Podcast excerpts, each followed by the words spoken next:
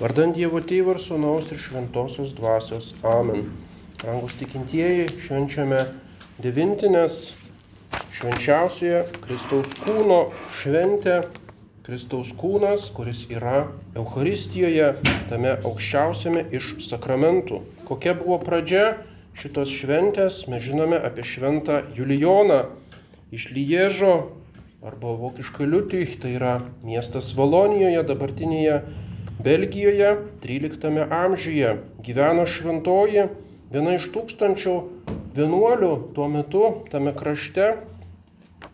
Buvo kanauninkė, premonstratietė, e, tačiau jau turėdama 16 metų jinai turėjo ypatingą pamaldumą Euharistijai švenčiausiam sakramentui ir sielojosi dėl to, kad nėra atskiros šventės, tai paslapčiai pagerbti, atskiros iškilmės. Žinoma, yra didysis ketvirtadienis, bet jis labiau mini tą istorinį įvykį, kada Jėzus Kristus įsteigė šventasias mišes, įsteigė Euharistiją ir taip pat kunigystės sakramentą.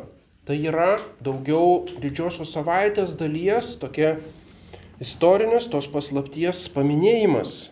Tačiau, kad būtų pagarbintas ypatingų būdų šitas sakramentas, tokios šventės nebuvo. Ir štai būdama 16 metų Julijona regėjo kelis kartus tokią viziją Menulį, kuris Menulio pilnatis, gražus Menulio apskritimas, tačiau jisai lik perbrauktas tokia juoda juodą juostą ir jinai suprato, kad tai yra simbolinis ženklas. Tas minulis simbolizuoja bažnyčios gyvenimą šitame žemėje, bažnyčios visą veikimą, egzistenciją ir štai ta tamsi linija, kuri trukdo minuliui šviesti, būtent reiškia, kad trūksta kažkokios ypatingos šventės būtent Kristaus kūnui pažymėti. Nebuvo tokios šventės, Nors jau tuo metu teologai suprato, kas tai yra sakramentai.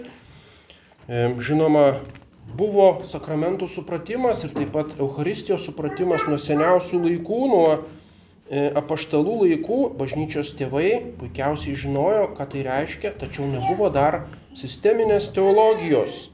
Nebuvo sistemiškai, teologiškai pristatyta šitas tikras Kristaus buvimas Euharistijoje. Ką tai reiškia, kaip suprasti tuos pavydalus, kodėl jie pasilieka, visas šitas e, ypatingas apmąstymas to vieno iš sakramentų būtent prasidėjo tais laikais 11, 12, 13 amžiuje. Ir tada buvo suprasta būtent, kad Euharistija yra pats svarbiausias iš tų sakramentų, tai yra viršūnė, iš kurios teka visos malonės. Ir štai turėtų būti kažkokia tai e, ypatinga šventė tam. Kodėl tas keista simbolika, tas minulis, ką tai galėtų reikšti? Minulis reiškia ne pačią Euharistiją, nors primena toks e, baltas minulio diskas, galėtų priminti, e, atrodytų ostiją, tačiau taip nėra. Būtent minulis simbolizuoja bažnyčią šitoje žemėje, bažnyčios švitėjimą. Iš kur minulis gauna savo šviesą? Gauna iš Saulės. Jėzus Kristus nuo pat seniausių laikų jo simbolika buvo siejama su Saulė. Patekanti Saulė, jos spinduliai ir taip pat mes matome išstatytą švenčiausiai sakramentą, jis išstatomas monstrancijoje. Monstrancija yra kaip tokia Saulė su daug spindulių. Būtent pats tas liturginis indas monstrancijos pabrėžia šitą simboliką, kad tai yra Jėzus Kristus, tai yra mūsų išganimo Saulė, kuris duoda E, šviesą mūsų tikėjimui, mūsų protui ir kartu duoda savo malonės šilumą. Reiškia visą tai, kas reikalinga gyvybei. Jis yra gyvybės, dvasinės gyvybės šaltinis. Ir štai bažnyčia yra lyg menulis, kuri atspindi tos saulės šviesą. Galima sakyti, visa bažnyčia kaip mistinis Kristaus kūnas, kaip tikinčiųjų bendruomenė, jos visa funkcija, visas užduotis ne kažkokius savo žmogiškus talentus, ar kažkokias savo socialinės struktūras, ar savo e, kažkokią žemišką valdžią ar mokslingumą ar kažkokius kitus dalykus, kurie priklausytų kultūros sferai ar politikos ar civilizacijos skelbti, bet tiesiog atspindėti Kristaus šviesą. Atspindėti tai, ką mums paliko Jėzus Kristus, ką jis nuolat spinduliuoja šitą žemę. Perduoti jo tiesos šviesą ir perduoti jo malonės šilumą. Štai menulis būtent yra toksai atspindys ir štai kažko tai trūksta jame, yra tamsi linija, yra tam tikras trūkumas to pagerbimo. Kodėl būtent šito sakramento yra galbūt daug paslapčių, kurios neturi savo atskiros iškilmės. Bet būtent Euharistija simbolizuoja tos bažnyčios vienybę. Tai yra vienybės, bažnyčios vienybės sakramentas. Mes valgome vieną Kristaus kūną ir priimdami šventąją komuniją mes tampame vieni šitoje bažnyčioje. Reiškia, Euharistija yra kaip pačios bažnyčios esmės išreiškimas. Tai yra esmingai reikalinga Ir todėl bažnyčia turi tą regimų būdų kažkaip tai pademonstruoti. Ir todėl buvo įvesta Kristaus kūno šventė, kurios esminis elementas, žinoma, mes toje mažoje koplyčioje negalim to padaryti, yra devintinių procesija. Tai yra iškilminga su švenčiausiu sakramentu, tai yra viešas bažnyčios aktas arba tokia demonstracija arba tokia triumfo eisena miesto gatvėmis viešai. Kadangi ta bažnyčia tai nėra slapta išrinktųjų bendruomenė kažkur susispietusi katakombos ir turinti savo slaptas doktrinas tik tai išrinktiesiems, bet ta Kristaus šviesa turi spindėti visiems, ji turi būti vieša, ji turi persunkti visą miesto gyvenimą, o taip pat valstybės gyvenimą, tai yra Kristaus e, socialinis karališkumas, jo įtaka kultūrai, jo įtaka E, politikai ir taip toliau. Ir būtent tai simbolizuoja devintinių procesiją. Tai yra tas įspinduliavimas, ką ir išreiškia ta monstrancijos forma kaip saulė, kuri eina per miesto gatves ir parodo, kad ta bažnyčia egzistuoja, kad šitame mieste gyvena krikščionis katalikai ir štai dabar jie demonstruoja savo tikėjimą į tai, kas yra svarbiausia. Tai yra Jėzus Kristus ir tas Jėzus Kristus būtent tame svarbiausiame sakramente. Taigi idėja yra nepaprastai gili ir labai svarbi ir tiesiog galime net stebėtis, kodėl anksčiau tokia šventė nebuvo įvesta. Ir štai per tą paprastą vienuolę, niekam nežinoma, šventą Julijoną, būtent toks kaip Akstinas buvo suteiktas Dievo malonė. Ir jinai nežinojo, ką, kaip daryti, kaip įvesti tokią šventę, tai atrodė visiškai utopiška, jinai niekam nežinoma, kas tai galėtų jai padėti. Ir jinai pasidalino tą žinią su viena atsiskyrėlė, Jėva iš Liežo. Prie Liežo katedros e, Švento Martyno bazilikos buvo toksai e, kaip atsiskyrėlės atskira tokia patalpėlė, kurioje jinai užsidariusi gyvendavo. Buvo toksai asketizmo būdas, kada gyveni ne vienolyne, bet kaip atsiskyrėlis prie bažnyčios, turi mažą langelį, kur žmonės tau atneša maisto, paprašo, kad už juos melstumėsi. Ir būtent tokia buvo Jėva, kuri vėliau buvo paskelta palaimintaja Jėva iš Liežo. Ir štai Julijona su ją apie tai pasišnekėjo, jinai sako, melskis, kad tokia šventė būtų.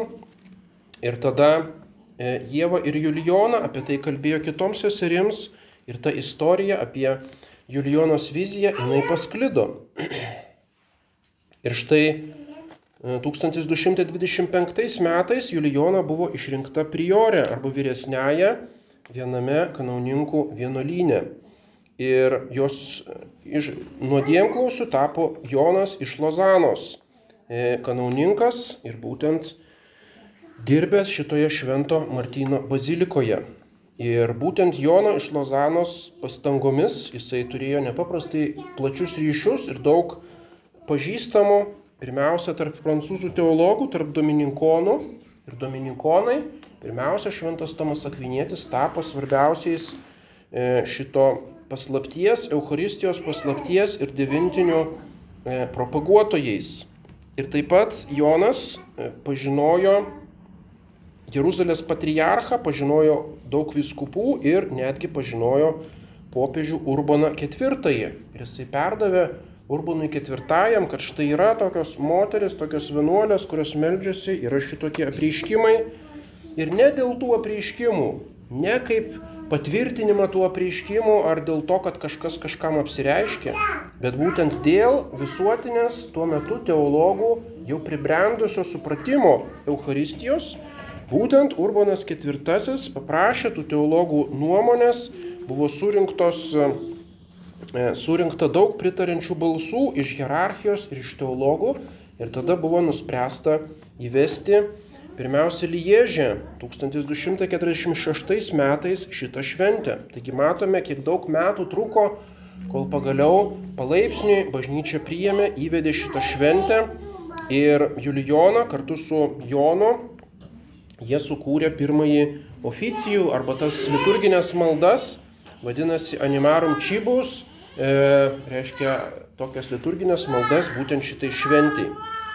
Ir vėliau, dar po kažkiek tai metų, 1264 metais, ta šventė buvo įvesta visoje bažnyčioje ir jau tada jos visą oficijom, visus tos gražias sekvencijas ir tos himnus jau kūrė šventasis Tomas Akvinietis, kuris yra didžiausias iš dominikonų teologų, kuris giliausiai suprato būtent Euharistijos paslapti ir koks nuostabus dalykas, koks šventosios dvasios apšvietimas, kad tas teologas, holastas atrodo toks sausas, e, traktatų, reiškia ir sumų, ir teologinių e, distinkcijų, reiškia meistras, jisai ėmėsi poezijos, jis taiga sukūrė šitos himnus, tas sekvencijas, laudas Sijon ir tai yra vieni nuostabiausių e, viduramžių bažnytinės poezijos kūriniai. Ir būtent tais sukūrė šventasis Tomas Akvinietis. Taigi matome, kaip galima sakyti, visa bažnyčia tuo metu jau buvo pribrendusi tokie šventi ir štai turime devintinių šventę, kuri tuoj pat paplito visur ir tapo viena tokia įspūdingiausių švenčių manifestacijų bažnyčios istorijoje. Taigi matome, kaip šventoji dvasia veda palaipsniui bažnyčią, kaip palaipsniui atsiskleidžia jos paslaptis kaip palaipsniui vis giliau jos yra suvokiamos ir tai, kad dabar bandoma grįžti į kažkokius ankstesnius laikus, kurie buvo prieš šitą 13 amžių, e, reiškia kažkokias pirmykštės bažnyčios praktikas kaip komunija į rankas, kur dar nebuvo to gilaus teologinio supratimo, tai yra didžiausias skandalas, tai yra visiškas nesupratimas būtent kaip šventoji dvasia veda bažnyčią, tai yra nepagarba švenčiausiems sakramentui.